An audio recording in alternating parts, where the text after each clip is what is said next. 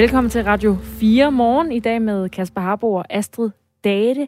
Klokken er 5 minutter over 8, og vi har øh, undervejs i nyhederne fået en øh, relevant sms. Kenneth Fischer han skriver nemlig til os, det er ikke korrekt, at coronapasset udløber efter 5 måneder efter tredje stik. Det var min fejl, det fik jeg sagt. Øhm, det var den melding, der kom i går, var, at coronapasset udløber 5 måneder efter, man er færdigvaccineret med anden stik, og det betyder, at en halv million danskers pas udløber i næste uge. Du var inde og undersøge med det tredje stik. Hvad, hvad er varigheden af det, coronapasmæssigt? Det er der ikke taget stilling til endnu. Tak for sms'en. Godt, vi lige fik rettet det. En anden skriver, Godmorgen, jeg synes, det er skræmmende med vaccinekrav. For tre år siden ville den slags være blevet forbundet med diktaturstater. Nu er det bare new normal. Ikke for at male fanden på væggen, men hvad kan det næste helt legale blive, som staten tvinger os til? Den frie vilje under pres, skriver Daniel, som mister sit øh, vaccinepas i næste uge. Øh, Bo fra Østerbro har følt sig træt, siden han fik sit boosterstik, så han ved ikke rigtigt, om han ser frem til det fjerde af slagsen. Har han skrevet en sms til os på 1424.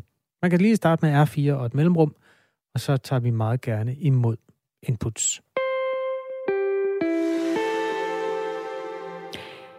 Flere hundrede ankelpatienter på Bispebjerg og Frederiksberg Hospital har over en længere årrække uvidende fået lavet et indgreb, som ifølge eksperter havde karakter af forsøg og eksperiment. Det kan Radio 4 og TV2 nu afdække. Sagen handler om en operation, der normalt bruges til nogle særligt sjældne ankellidelser, men på øh, sygehusets fodkirurgiske afdeling, der har flere hundrede patienter altså fået operation i forbindelse med skader efter forstuning. Noget, der ellers normalt ikke medfører en operation på andre sygehuse. Og det er altså derfor, at flere eksperter vurderer, at de her operationer først skulle være godkendt som et forsøg, inden man opererede patienterne.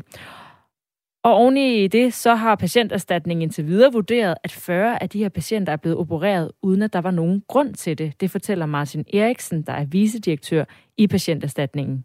Ja, altså når vi, når vi har gennemgået de her sager, de 40 sager, vi har anerkendt, der er der faktisk et, et mønster, som viser, at der har ikke været tilstrækkelig operationsindikation efter vores lægers vurdering øh, forud for operationen. Med andre ord, så har man ikke haft tilstrækkelig grund til at udføre operationerne. 24-årig Lærke Havemann er en af de patienter, der har fået operationer, uden at der var grund til det. Jeg er, øh, jeg er stadigvæk ikke efter de her operationer øh, er, er blevet sluppet, sluppet løs i, i den virkelige verden. Min, øh, min hverdag går ud på at øh, gå til behandling på, øh, på Rigshospitalets smerteklinik og Bispebjerg Smerteklinik, og øh, ja, prøve at, at få det så godt, som jeg kan, sådan så at jeg kan forhåbentlig starte en uddannelse snart og, øh, og komme lidt videre med livet. Manden bag de kontroversielle indgreb er den nu tidligere overlæge og ortopædkirurg Kent Esbensen. Han mener ikke, han har gjort noget forkert med ankeloperationerne. Det fortæller han til Radio 4 og TV2. Det er det bedste, jeg nogensinde har gjort. Det mener du simpelthen på trods af kritikken? Ja, fordi kritikken, det er, den, den er øh, grundløs. Kent Espersen er blevet præsenteret for blandt andet Katrine Bro Rasmussens oplevelser med operationen. Hun er en af hans tidligere patienter, men han afviser at have et ansvar, både i den specifikke sag og også i andre operationer. Hun har helt givet ikke fuldt den rådgivning, som hun har fået fra start af. Så det er ikke dig, der har gjort noget forkert? Nej, det er jeg helt sikker på. Jeg vil overhovedet ikke på nogen måde anerkende, at det skal være en fejl. Heller ikke selvom der er 40, der så har fået erstatning nu? Nej, overhovedet ikke. Det er altså lige netop det der med tallene. Øh, det giver, altså, det giver ikke anledning til nogen ændring af min opfattelse af det her. Den tidligere kirurg fastholder, at hans patienter var fuldt ud oplyste om, hvad de gik ind til. De er blevet informeret. Det er de alle sammen. Om det fulde billede af, hvad der var af risici? Ja.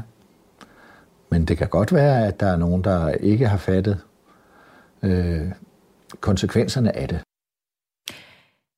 Men øh, det afviser 30-årige Katrine Bro Rasmussen, som vi også talte med her til morgen. Havde det været tilfældet, så ville hun nemlig have protesteret.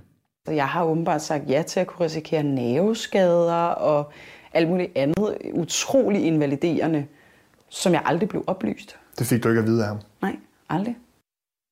Henrik Palm, ledende overlæge på Bispebjerg Hospital og Frederiksberg Hospital, overansvarlig for undersøgelsen af sagen, er ikke tilfreds med det her forløb med de mange operationer. Andre fodkirurger har måske lavet 5-10 de sidste 15-20 år, hvis de er erfarne.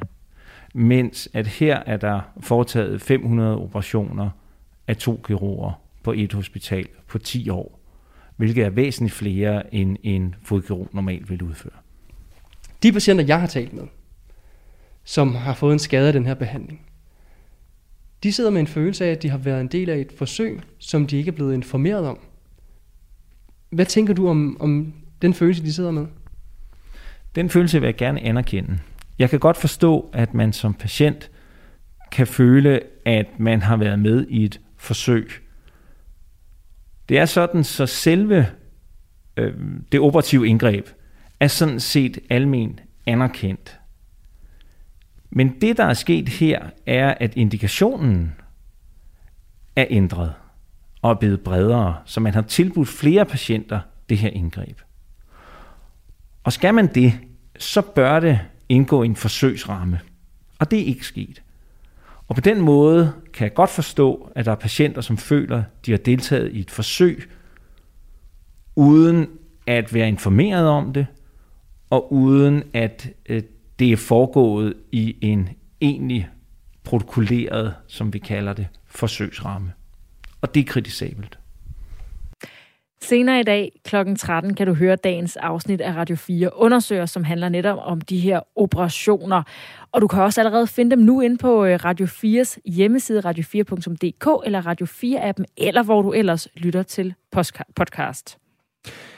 Det her, det er torsdag den 13. januar, du hører Radio 4 morgen, og lidt senere kommer vi til at se nærmere på det øh, EM i håndbold, som PT er en lille smule corona-ramt. Danmark skal møde Montenegro i aften, og lige præcis Montenegro er i den grad coronaramt, ligesom mange af de andre hold i øvrigt er. Antallet af smittede spillere kan blive helt afgørende øh, for, hvem der i den sidste ende vinder EM. Det dykker vi ned i om cirka en halv time. Vi spørger ikke om antal mål, vi spørger om antal smittede på holdet. Mm, det var ligesom dengang, hvor cykelsporten var så spændende at følge, fordi der hver anden dag røg en eller anden ud på grund af en positiv test. Lidt det samme, bare det øh, anderledes. Øh, håndbold-EM er i fuld gang. Du lytter til Radio 4 morgen med Kasper Harbo og Astrid Date. Klokken den er 13 minutter over 8. Senere i dag falder der dom i endnu en sag om hacking og seksuel krænkelse. De seneste år har der været flere sager om mænd, der har delt nøgenbilleder af unge kvinder i mapper på internettet. Du har måske hørt om den såkaldte Umbrella-sag og sagen om Viborg-mappen, som blot er nogen af dem. Sagen, i, der falder dom over i retten i Holbæk i dag, hvor øh, er en øh, ung mand, der har hacket sig til nøgenbilleder og videoer af 68 piger og er uden fortilfælde. Anklageren vil have en, øh, have en dom på mindst tre års fængsel, da det altså er en øh, usædvanlig grov sag om hacking og digital krænkelse.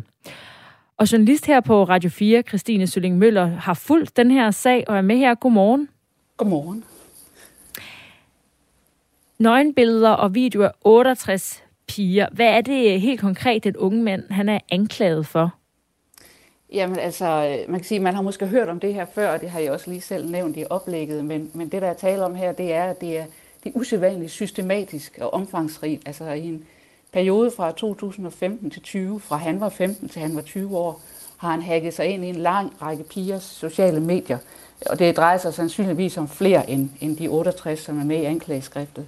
Han har øh, hacket sig ind, han har fundet de her billeder, han har, øh, han har skabt en lang række falske profiler på Snapchat for eksempel, hvor de så har troet, det var en ven, addet ham som ven, så har han let rundt i, hvad de havde af private billeder liggende derinde. Dem var han så sender han for eksempel til dem og siger, se hvad jeg har her, og så måske skrevet deres navn hen over billedet, og så offentliggjort dem på nogle af sine falske profiler.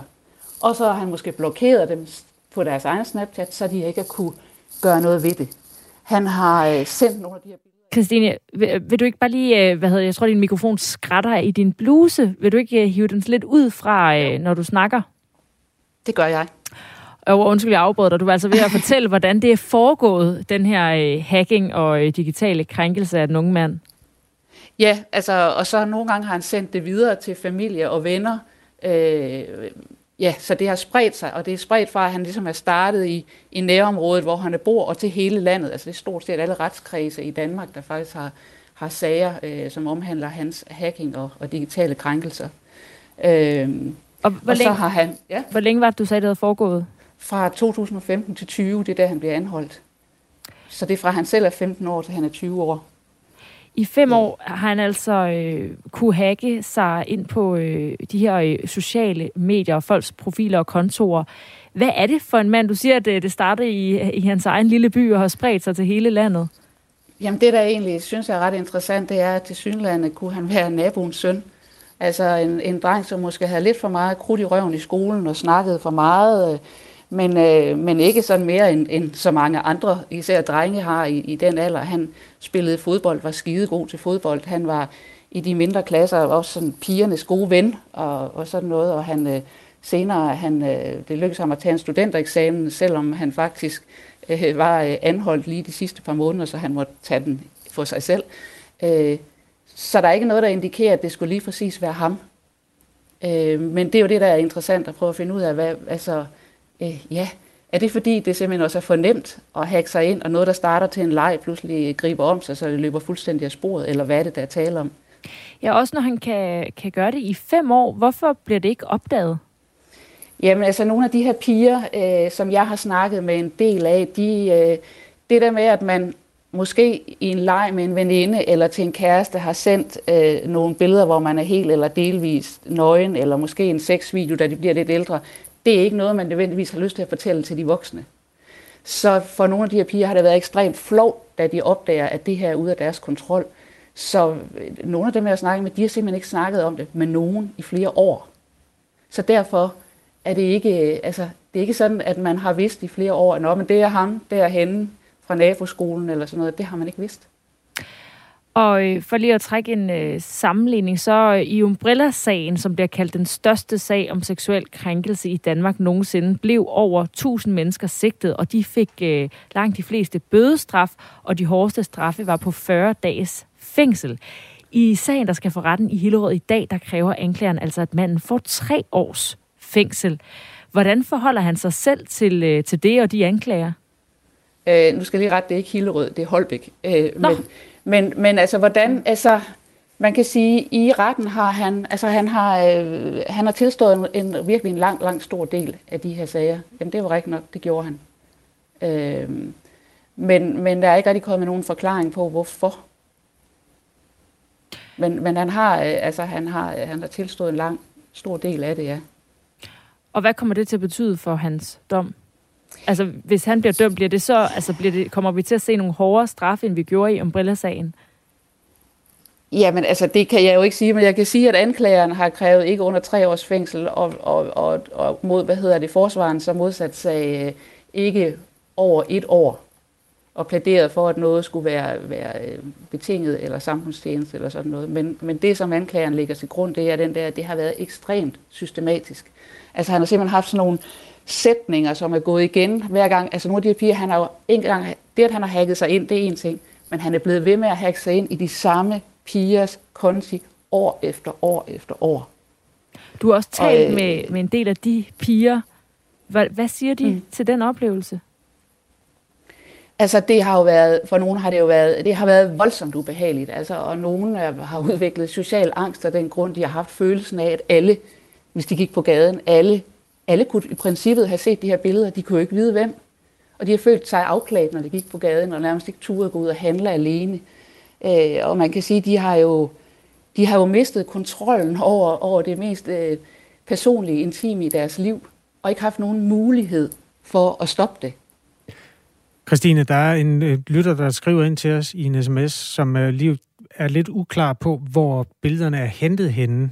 Øh, lytteren her skriver, hvis de nu lægger billederne frit ud på nettet til deres venner på deres egne profiler, hvor i består forbrydelsen så? Ja, men det gør de ikke. Det her, det er ikke billeder, der har ligget fremme. Det er billeder, de for eksempel har haft i en privat messenger-tråd med en veninde eller en kæreste, eller i en privat fotorulle på Snapchat, som der ovenikøbet måske har været kode på.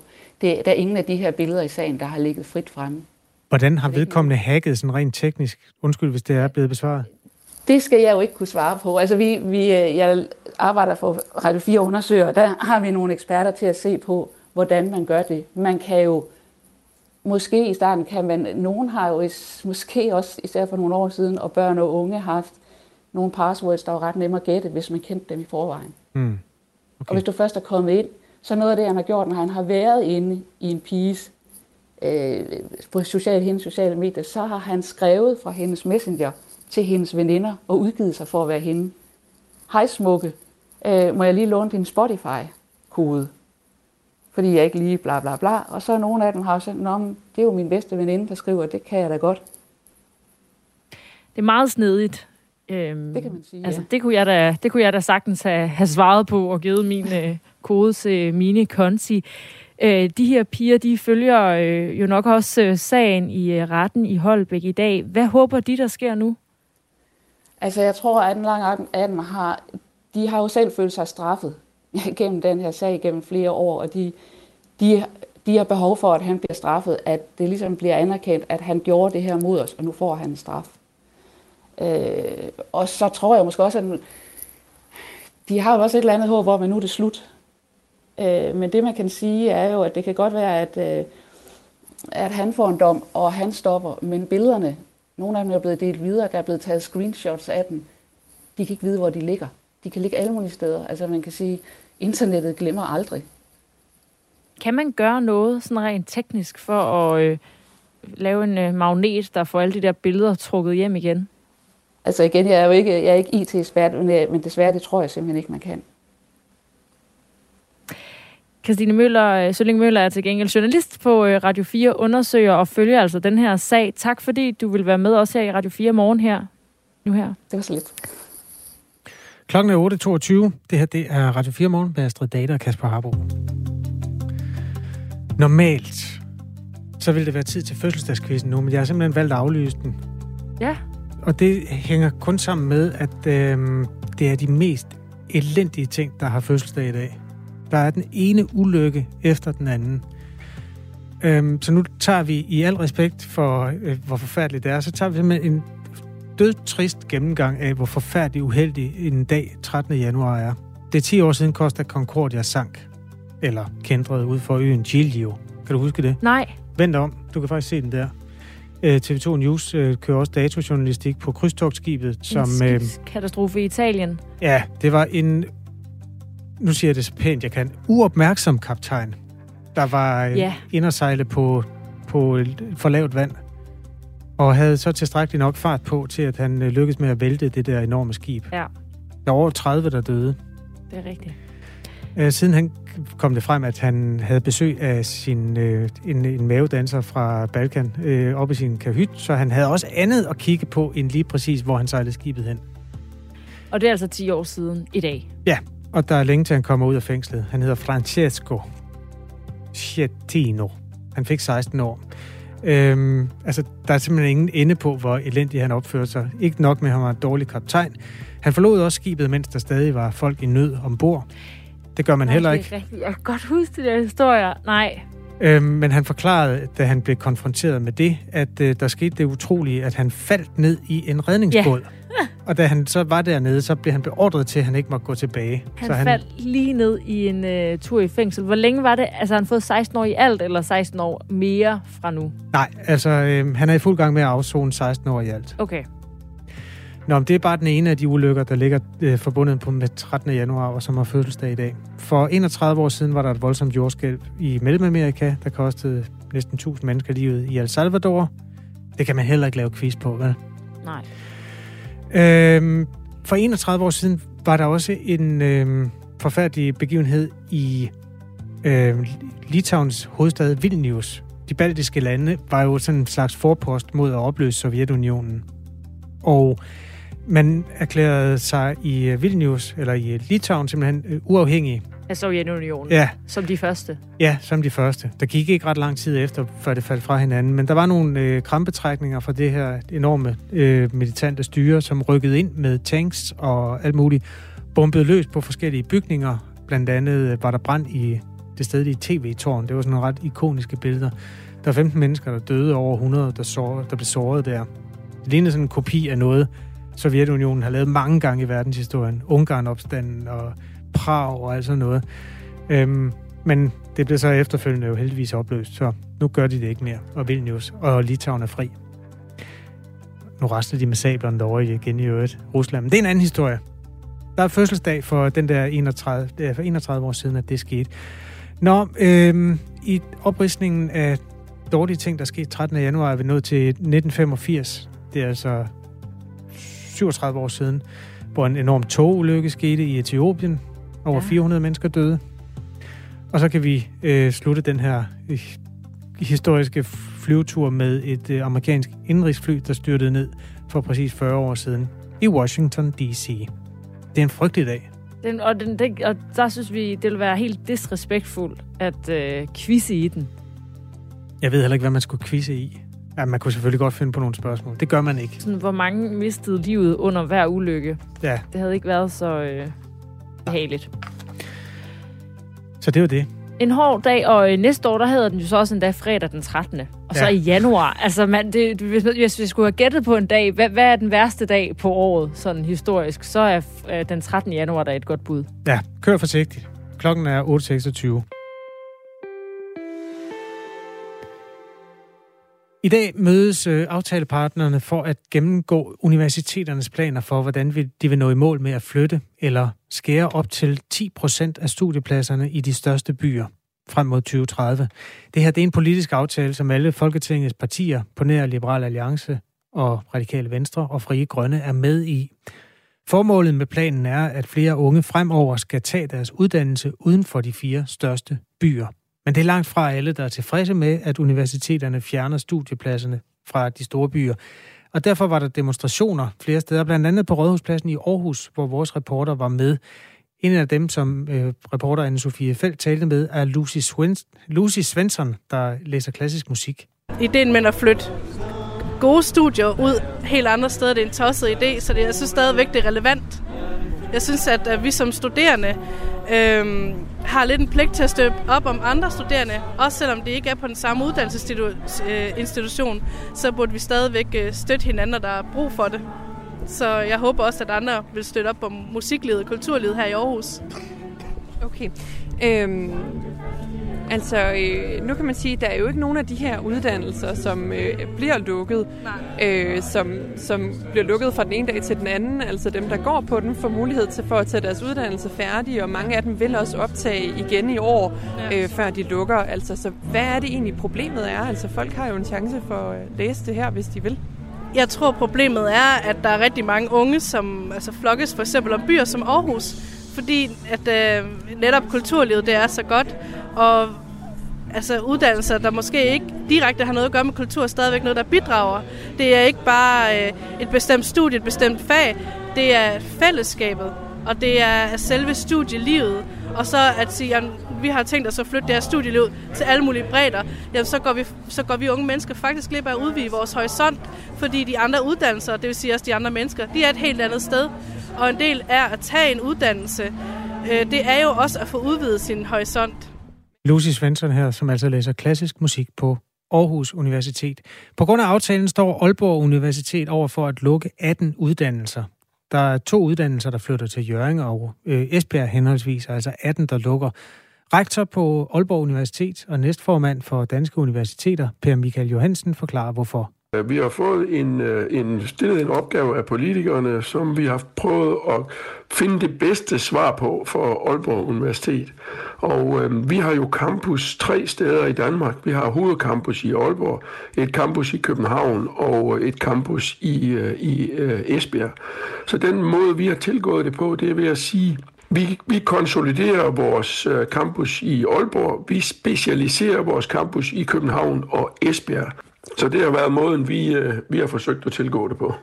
Og det betyder så, at de uddannelser, vi har på humaniora og samfundsvidenskab i øh, København, dem har vi valgt at, øh, at lukke, og så specialisere København øh, mod STEM-uddannelser, øh, især IT-uddannelser og uddannelser i bæredygtighed. Sagde altså rektoren på Aalborg Universitet, Per Michael Johansen. Sofie Levering er klar med fire minutter af dagens vigtigste nyheder. Klokken den er halv ni.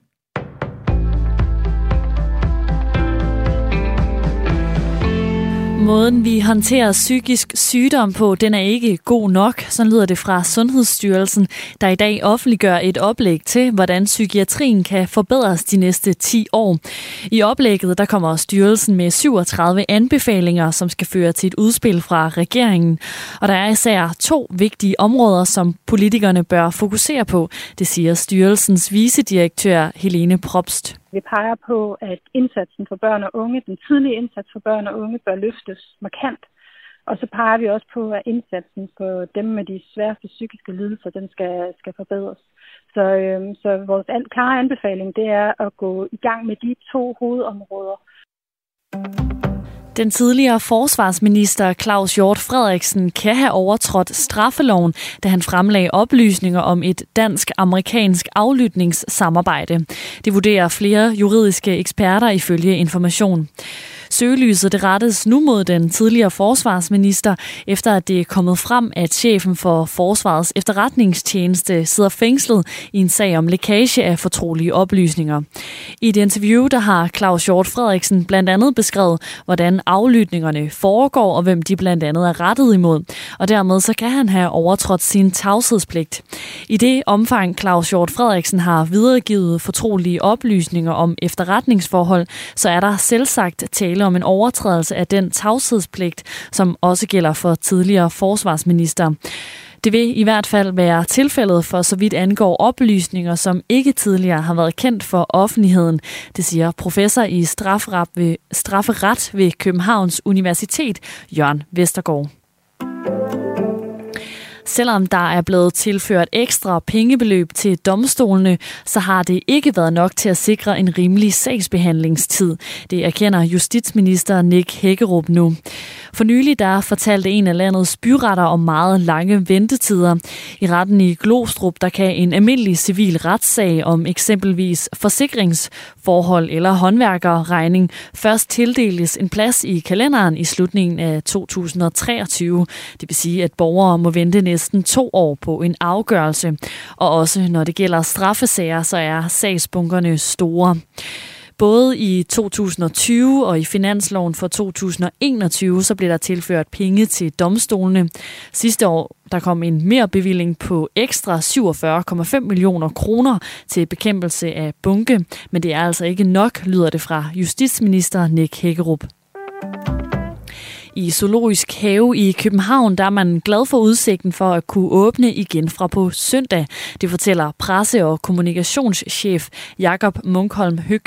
Vi havde gerne set, at der slet ikke var nogen restriktioner, men i øh, sådan som situationen er lige nu, der er det klart, at så, øh, hvis bare man kan få lov at åbne, øh, selv de restriktioner, der er, så er vi jo rigtig, rigtig glade. Han fortæller, at det sidste år kostede zoologisk have en del på bundlinjen, og der var benspænd som mundbind og coronapas.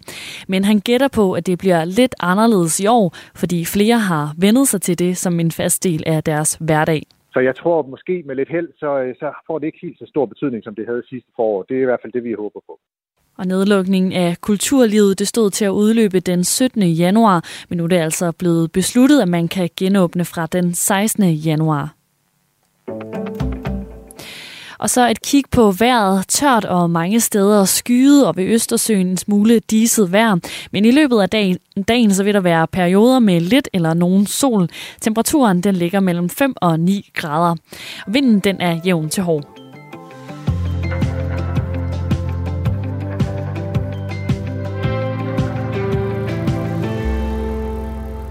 8.34 er klokken på en øh, torsdag med plusgrader og sådan lidt blåt lyst. Danmark er ved at vågne op til den 13. januar 2022. Og vi er også så småt, øh, eller kulturlivet er så småt ved at vågne op igen. De får nemlig lov til at åbne op. Og hvis de gør det, så bliver det efter regeringsplan med maksimalt 500 tilskuere til indendørs arrangementer, altså øh, koncerter, teaterstykker og lignende. Men det er altså regeringsplan det her med maksimalt 500 tilskuere. For nu tegner der sig et flertal udenom regeringen for at give lov til 1.500 tilskuere. Det flertal består af de blå partier og radikale venstre, og der er du sundhedsordfører Christina Thorholm. Godmorgen. Godmorgen. Hvorfor går I imod regeringen? Jamen, det gør vi på baggrund af smittetrykket, og øh, fordi at vi forholder os jo til de 500, fordi vi siger, at man kan tage flere øh, tilskuere ind, men de skal være adskilt, adskilt i grupper på 500 maksimum. Altså, så når I siger 1500, så mener I i tre grupper af 500? Det er meget centralt, fordi at vi øh, mener jo ikke, at vi skal gå op mod anbefalingerne, men ved at vi arbejder med sektioner, det var ikke noget af det, der var lagt op til eller tænkt på, så mener vi, at vi har folk adskilt og giver flere mennesker nogle muligheder uden at øh, tage en øget risiko. Og hvad er, det, hvad, er det, øh, hvad er baggrunden for den beslutning, altså at I gerne vil så, at der var flere, altså 1500 tilskuere, der kunne samle sig om en koncert for eksempel? Jamen det har den betydning, at øh, teatre og musikhuse kan åbne øh, og, og være et aktiv del af det kulturliv, der er. Ikke? Men hvorfor mener I, at det er forsvarligt nok, når regeringen ikke mener det? Fordi vi har lagt vægt på, at de øh, gæster, der kommer, er adskilt, altså adskilt i bobler af 500, og, og det øh, tænker vi, det ligger inden for den øh, ramme, der er. Øh, ligesom at øh, vi kan jo se, at indlæggelsestallene, øh, særligt på intensiv, ikke er så store. Og øh, der også var lagt op til, at der skulle komme en åbning mere her øh, om relativt få uger. Ikke? Så, men overvejende, fordi at vi gerne vil have kulturen åben, og vi holder folk i grupper på maks 500, som anbefalingerne lyder på. Og grunden til, at vi taler om det her, det er jo fordi, at Folketingets epidemiudvalg i aftes godkendte alle regeringens indstillinger til coronarestriktioner. Og det betyder, at en række restriktioner for kulturlivet og højskoler løftes fra og med på søndag. Og dermed får blandt andet biografer, teatre og museer mulighed for at genåbne med et loft på antal af publikum på 500 siddende publikummer ved indendørs aktiviteter. Og det vil øh, blandt andet radikale altså have ændret til 1500 deltagerne, øh, delt op i sektioner af 5 100. Og det øh. handler jo også om, når man, går, når man går ind og ud af den her, så, af det kulturtilbud, at man så også er adskilt der. Altså, fordi det var noget af det, der var bekymringen, når man, et er, når man sidder, et andet er, når man går ind og ud, at der skal man være adskilt. Øhm, og det tegner der sig et flertal til, så tror du, det bliver en realitet? Altså, det er jo sådan med de afstemninger, at hvis der er et flertal, så, øh, så er der et flertal. Og dermed så må regeringen jo se på, hvordan de vil imødekomme det.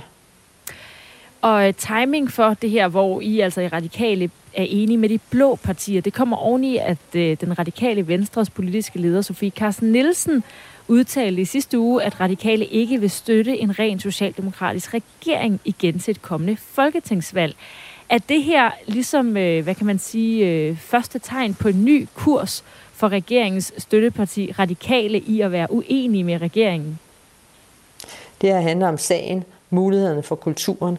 Det er det, vi har fokuseret på. At det så var med de blå, vi kunne lave det her, den her aftale eller den her indstilling, det var det, det er ikke det primære. Det handler om, at flere kan komme ud og have glæde af kulturen på nogle øh, forhold, hvor vi mener, at vi lever op til de præmisser, der er, at 500 er samlet. Så det er ikke en tendens, vi kommer til at se øh, fremover, at øh, I er enige med de blå partier?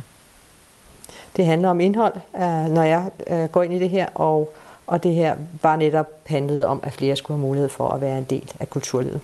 To stykker e-post fra lytter af Radio 4 Morgen. Carsten Tostrup, han skriver, hvordan tror I, at I ved bedre end sundhedsmyndighederne? Jamen, vi har jo hele tiden øh, lagt vægt på, at vi Øh, øh, lytter til de sundhedsfaglige. Og i forhold til den her altså, indstilling, der mener vi, at når man er adskilt, så respekterer vi det med, at folk øh, ikke må være samlet øh, i store flokke. Mia skriver, 500 gange 3 er det rene vanvid. Virus svæver jo rundt. Det er ikke stationært. Forhåbentlig kan folk selv tænke og holde sig væk indtil april. Hvad siger du til det? Ja, altså som sagt, vi har lagt vægt på, at folk er adskilte, og, det er, og der er, det er jo steder, hvor der er ventilation, og ventilation betyder rigtig meget i den her sammenhæng. Så, så derfor så har vi bakket op om den her indstilling. Det betyder i hvert fald, at luften bevæger sig, ventilation. Ja, og den bliver suget op, øh, Øh, og det er alle fagfolk enige om, at det er rigtig væsentligt i forhold til, at man er samlet. Det handler både om at være samlet i skolen, hvor at mange skoler ikke har en ordentlig ventilation, øh, der ved vi øh, i hvert fald fra dialogen med biograferne, at de har væsentligt bedre ventilation i forhold til rigtig mange andre tilbud, og dermed så er der et meget begrænset smittespredning. Vil I så stille de krav til de mennesker, eller de arrangører, som skal hvad skal man sige, kunne gøre brug af den, at der skal være styr på ventilationen? Altså, der kommer jo nogle krav med den sektionering, som, altså den adskillelse, og, og der, der er jeg tvivl om, hvad for nogle krav, der vil komme, men det forventer jeg, at regeringen ser på. Og Christina Thorholm, du er altså sundhedsordfører for Radikale Venstre, der har lavet flertal med de blå partier udenom regeringen om at give lov til 1.500 tilskuere, i stedet for maksimalt 500 ja, tilskuere, ja, som øh, der er blevet øh, lagt op til fra regeringens side af, når kulturlivet får lov at åbne igen. Det er Christina Thorholm. Øh, Christina, er du med stadigvæk? Ja, med. Jeg tror, I kører to kanaler lige nu. Øh, det er det, der er problemet. Ah, hvad, bare her til sidst. Er der andre punkter i den her genåbning, hvor I er uenige med regeringen? Nej, vi har bakket op om øh, resten af indstillingerne, så fordi det var vigtigt for os at øh, lytte til de eksperter, der er, så, så derfor har vi bakket op om de indstillinger, der er. Tak fordi du var med, Christina Thorholm, og beklager, hvis øh, det var os, der fik øh, talt dobbeltsætter. Klokken den er 8.41. Det her er Radio 4 morgen. Og øh, det er et live-program. Vi sender tre timers aktualitetsradio hver eneste dag, og det er grunden til, at det nogle gange går en lille smule stærkt, som det gjorde nu. Vi skal videre til en historie, hvor vi rent faktisk får brug for øh, at øh, have flere kanaler i gang. Det er der, måske derfor, der var en lille smule k i, i den øh, på en gang. Først lige en, øh, en øh, omtale af et af de andre programmer, som vi sender på den her radiostation.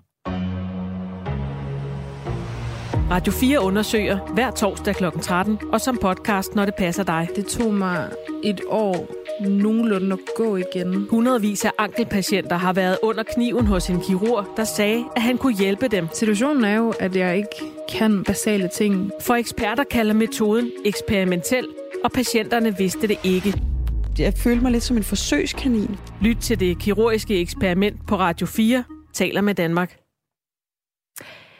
Øh, det er jo ikke øh, normalt, at vi øh, på, på Radio 4 Morgen sådan, øh, i, på den måde i tale sætter, når nogen går bort, altså, og slet ikke, hvis øh, det er naturlige årsager.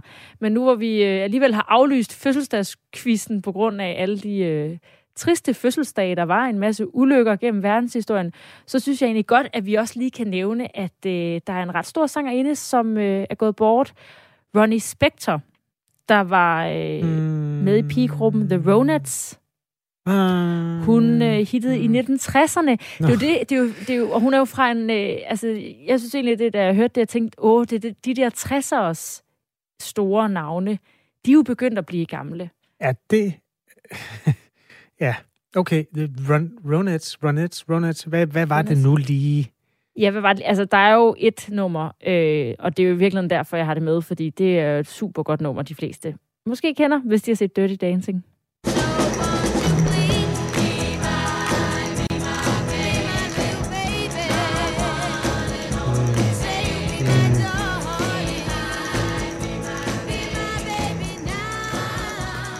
Jeg har nogle gange samlet igennem den. Jeg har ikke lige været der ved den der. Er det et af de numre, de danser til? Ja. Nå. Og kalder Baby. Ja, det er sådan det mest ikoniske. Men øh, det er altså Ronnie Spector, der var øh, med til de hit. Og hun blev 78 år, siger hendes øh, familie.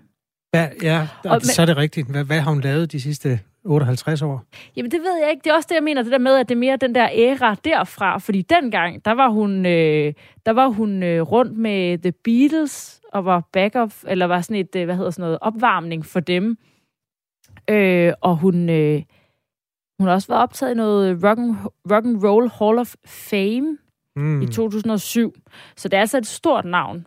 Men det er mere der med, at øh, hvis man gerne vil til koncert, hvis man nu var vild med The Beatles, eller øh, The Ronettes, eller Rolling Stones og sådan noget, så begynder de jo altså at blive gamle. Så det er også en opfordring til at øh, måske købe nogle koncertbilletter med de der nostalgiske navne, mens man stadig kan. Bob Dylan er der endnu. Rolling Stones, ja. for de fleste vedkommende Paul også. McCartney. Ja, lige præcis. Okay, øh, klokken er 8.44. Tak for den lille mærkedags... Nej, det er det jo ikke. Øh, livshistorieopsamling for, hvad hedder hun? Spekter. Ja. Videre til et andet stykke med kultur. I aften spiller de danske håndboldherrer sin første kamp. Deres første kamp i uh, EM-slutrunden. Det er mod uh, Montenegro. Det foregår i Ungarn. Der er det med modstanderholdet Montenegro, at en lang række af spillerne ikke kommer på banen, fordi de er smittet med coronavirus. Fire spillere er på nuværende tidspunkt smittet på Montenegros øh, landshold, og sådan er det faktisk på mange landshold i øjeblikket, altså at der er en eller anden lille eller stor øh, gruppe mennesker, der er ramt af corona. Det kan blive afgørende for, hvordan EM i det hele taget bliver afviklet, og hvem der vinder. Rasmus Bøjsen, godmorgen. Har vi dig med? Godmorgen. Ja, der var du. Rasmus Bøjsen er håndboldspiller i Fredericia HK og håndboldekspert og skribent på det site, der hedder Handball World. Øhm, hvor afgørende bliver corona ved det her EM? Jamen, det er jo det helt store spørgsmål lige nu. Som du selv skitserer, så er der jo rigtig mange hold, der er ramt af det her, har været ramt af det tidligere. Øhm, og der er flere hold, der har været ude og beklage sig over forholdene ved, ved slutrunden i forbindelse med øh, hotellerne, hvor øh, ja, der er ikke rigtig afstand til almindelige mennesker, der går uden masker osv. Så, videre. så det er jo den helt store faktor, der kan komme til at spille ind. Øh, den her smitte, som jo spreder sig voldsomt hurtigt. Øh, I går aftes meldte det, det polske landshold ud også, at de har øh, fem øh, nye smittede, så nu har de syv i alt. Øh, så det kan jo relativt hurtigt eksplodere. Så, så det, er, det er meget svært at sige, hvad det kan få af betydning. Vi havde jo VM øh, sidste år, hvor man også var, havde mange anelser i, i starten, men hvor man ligesom øh, i forbindelse eller i forlængelse af turneringen kom i gang, øh, fik styr på smitten. Øh, det håber jeg selvfølgelig også øh, kommer til at ske den her gang. Kan du huske nogen tidligere slutrunder i håndboldens verden, der på den her måde har haft sådan øh, guddommelig indgriben af forskellige slags, der kan, eller hvad skal man kalde det, force majeure, der hele tiden øh, kan ændre sagens udfald? Nej, ikke på samme måde. Altså, så skal vi jo tilbage til VM i, i, øh, i fjor, hvor to hold lige op til slutrunden, USA og Tjekkiet, simpelthen meldte afbud, fordi de fik så meget øh, coronasmitte, som de gjorde. Men som sagt, så fik man ligesom styr på smitten hen ad vejen, og det er jo også det, øh, man ligesom kan håbe på nu. Øh, jeg er jo lidt forundret over, at der ikke at man ikke er blevet øh, klog af skade, kan man sige. At man ikke har haft lidt bedre styr på at skabe en boble allerede, allerede på nuværende tidspunkt. Øhm, fordi så havde man kunne, kunne styre det lidt bedre, tænker jeg. Øh, men, men igen, så håber jeg selvfølgelig på, at, at man ligesom hen ad vejen kan, kan få styr på den her smitte. Vi kommer til Danmarks håndboldlandshold lige om lidt, men øh, lad os lige begynde med et, sådan, at se det ovenfra. Danmark spiller sin kamp mod Montenegro i aften 2030. Listen over fraværende spillere er lang. Øh, cheftræneren har også været smittet med coronavirus. Lige præcis i den kamp, hvilken betydning regner du med, at det får der? I forhold til kampens udfald, så tror jeg ikke, det får en stor øh, betydning. Øh, vi er så stærke, det danske landshold er så stærkt lige nu, at, at det har været en kamp, uanset hvad Montenegro kan stille med, så har vi vundet. Øh, man kan selvfølgelig godt have sine bange anelser i forhold til, at det ikke virker som om, der er helt styr på, på smitten på det montenegrinske hold. Øhm, øh, så eventuelt kan det jo ende med, at der er danske spillere, der også bliver smittet. Det håber vi selvfølgelig ikke på. Men i forhold til kampens resultat, så er jeg helt sikker på, at Danmark kommer til at vinde, og det havde de også gjort, selvom at Montenegro havde stillet med, med en fuld trup. De franske håndboldspillere har været ude med en væsentlig kritik af forholdene i øh, værtsnationen Ungarn, fordi øh, de kom jo til et hotel, hvor de andre gæster ikke bare mundbind, det skal man altså ikke på de kanter, åbenbart, i hvert fald ikke når man bor på øh, øh hotel som privatperson. Og øh, det viste sig også, at håndboldstjernerne skulle spise det samme sted som de andre hotelgæster. Målmanden, der hedder øh, Vincent Girard, han sagde, at det var et chok, da vi så, at folk gik rundt i badetøj på vej til poolen uden masker. Niveauet af restriktioner er, for at sige det mildt, anderledes. Ungarn er kendt for at have et afslappet forhold til corona. I sommer var stadion i Budapest proppet under EM i fodbold, og under håndboldslutrunden er der også øh, åben for fulde huse i de ungarske haller. Øhm, hvad synes du om det? Jamen det korte svar er nok, at jeg synes, det er kritisabelt. Altså, øh, og det gør jo også, at man forvrider øh, turneringen ret meget, eftersom at Slovakiet, som jo er et andet værtsland, at der er langt bedre styr på, på forholdene der. Det norske håndboldforbund har været ude at rose det, og øh, der er jo heller ikke øh, lov til fulde haller. Der er kun 25 procent af kapaciteten øh, i hallerne.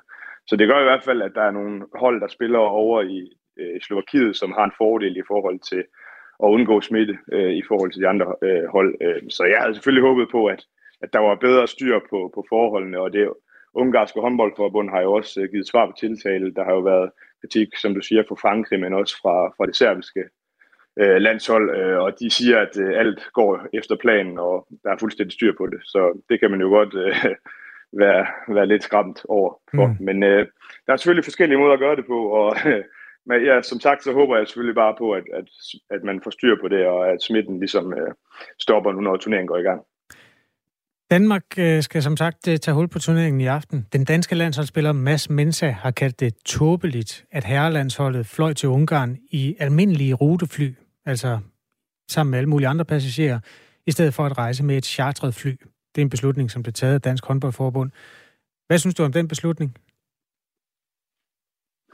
Jamen, nu kender jeg jo ikke økonomien i Dansk Håndboldforbund, øh, og hvis det ligesom er det, der har været råd til, så er det jo sådan, det, øh, det må være. Øh, men altså, det, det bedste for alle parter havde nok været at kunne charter et fly. Øh, det er i hvert fald der, der smitten vel, vel sagtens er mindst. Øh, og det er jo ligesom det, man hele tiden skal, skal prøve på at ramme. Øh, nogle af de hold, som vi ligesom gerne vil, øh, vil konkurrere imod, eksempelvis Frankrig og, og Sverige har valgt at, at charter fly. Så øh, det havde selvfølgelig nok været det, været det bedste, men igen, jeg kender ikke økonomien i, i Dansk Håndboldforbund, øh, så det er jo lidt svært øh, for mig at svare på. Men jeg kan godt forstå, at, at spillerne øh, er, er trætte af den situation. Øh, fordi det, vi må jo bare sige, at det ville være fuldstændig katastrofalt, hvis, hvis der kom et eller andet smitteudbrud, øh, fordi at man øh, skulle mellemlande i, ja, midt i Europa og så flyve videre og, og sidde med, med andre almindelige mennesker.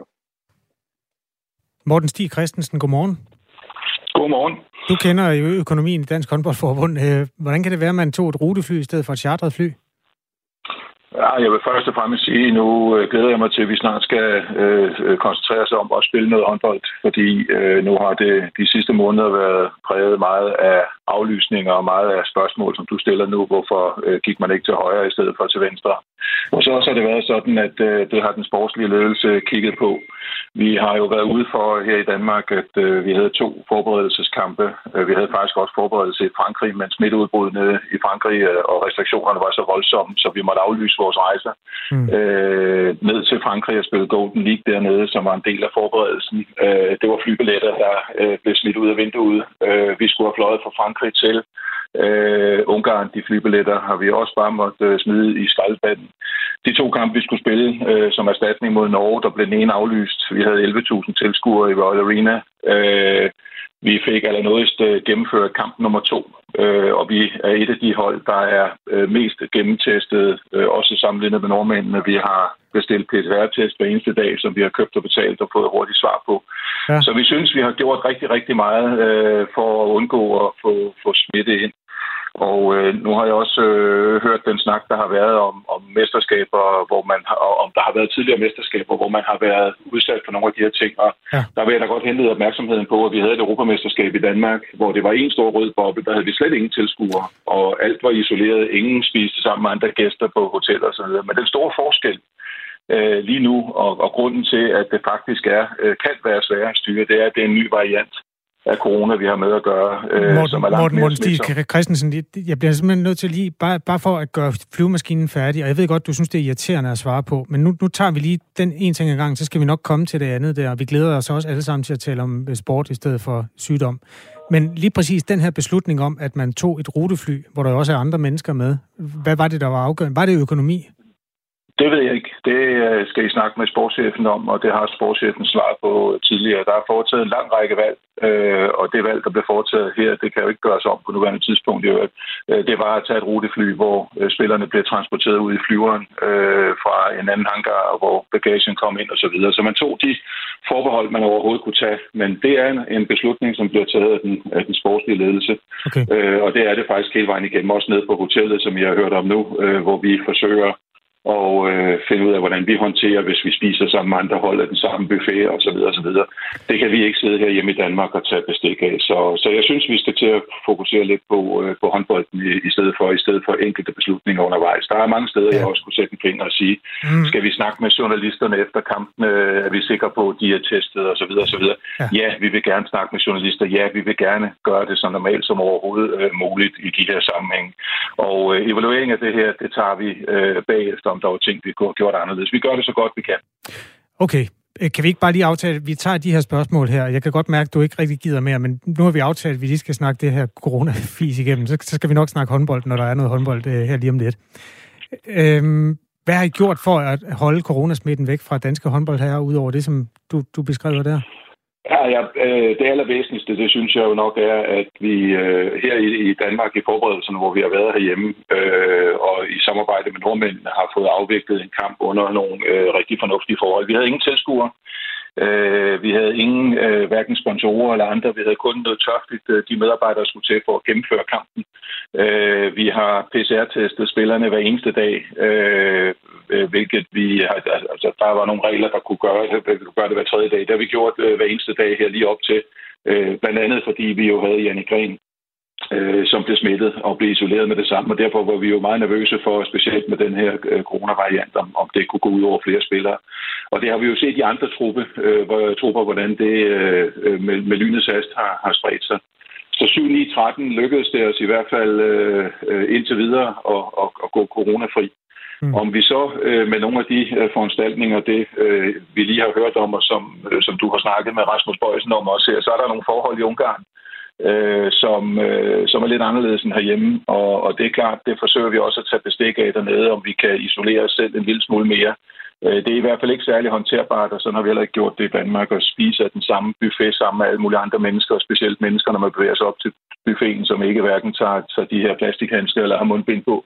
Øh, det, det er sådan nogle problemstillinger, vi er nødt til at håndtere undervejs, og det kan man ikke altid forudsige, øh, hvor, hvor, hvordan det vil være. I har jo været inde på, at restriktionerne i Ungarn er noget anderledes end det, vi kender andre steder. Vi taler altså med Morten Stig Christensen, der er formand i Dansk Håndboldforbund. Øhm, du har været med både som spiller og øh, nu altså i, som i en del af organisationen ved to øh, slut, eller flere slutrunder i træk, hvor det er sådan noget med sygdom, vi går og snakker om. I Ægypten var der også frygten for dårlig mave. Øh, hvordan er det? Altså, det, det, jeg erindrer ikke, at det nogensinde har været et problem før. Jamen, du har fuldstændig ret, og du øh, pointerede det jo også i starten af vores snak her. Du kan mærke, at jeg er irriteret over, at, vi, øh, at, at det er alle mulige andre ting, der har øh, fokus, øh, fordi det vi ret beset beskæftiger os med øh, øh, lige præcis nu, og det vi skal i gang med nu, det er håndbold på absolut topplan. Vi har et øh, landshold, som i en årrække har været blandt de, de bedste i verden, og vi ser meget frem til øh, også at gøre en god indsats her. Øh, men men vi, må, vi har jo levet en virkelighed nu i mere end to år, øh, hvor, hvor andre ting øh, i perioder har spillet en hovedrolle, og også allerede øh, før det her mesterskab er kommet i gang, øh, spiller en hovedrolle. Øh, jeg har det lidt sådan, at det er den verden, vi lever i.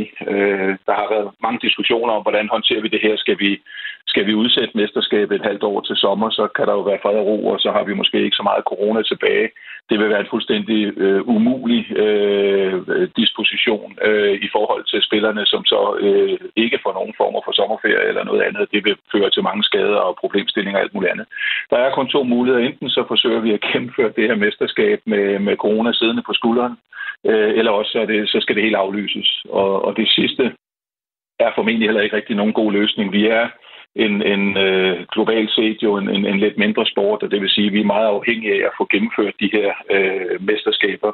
Øh, og det, øh, det er nok derfor, at vi, at vi kæmper øh, fra, fra gadehjørn til gadehjørn for at holde coronaen ude og forsøge at gennemføre mesterskabet. Men ret beset, nu har de jo tilskuer ned i Ungarn, men ret beset, så, øh, så er det jo øh, mere eller mindre et tv-mesterskab, som vi kan høre i Slovakiet, kun 25 procent øh, tilskuer osv. Det, det er den virkelighed, vi opererer i. Det gør vi også hjemme, hvor der er klubber ligakampe uden tilskuere osv.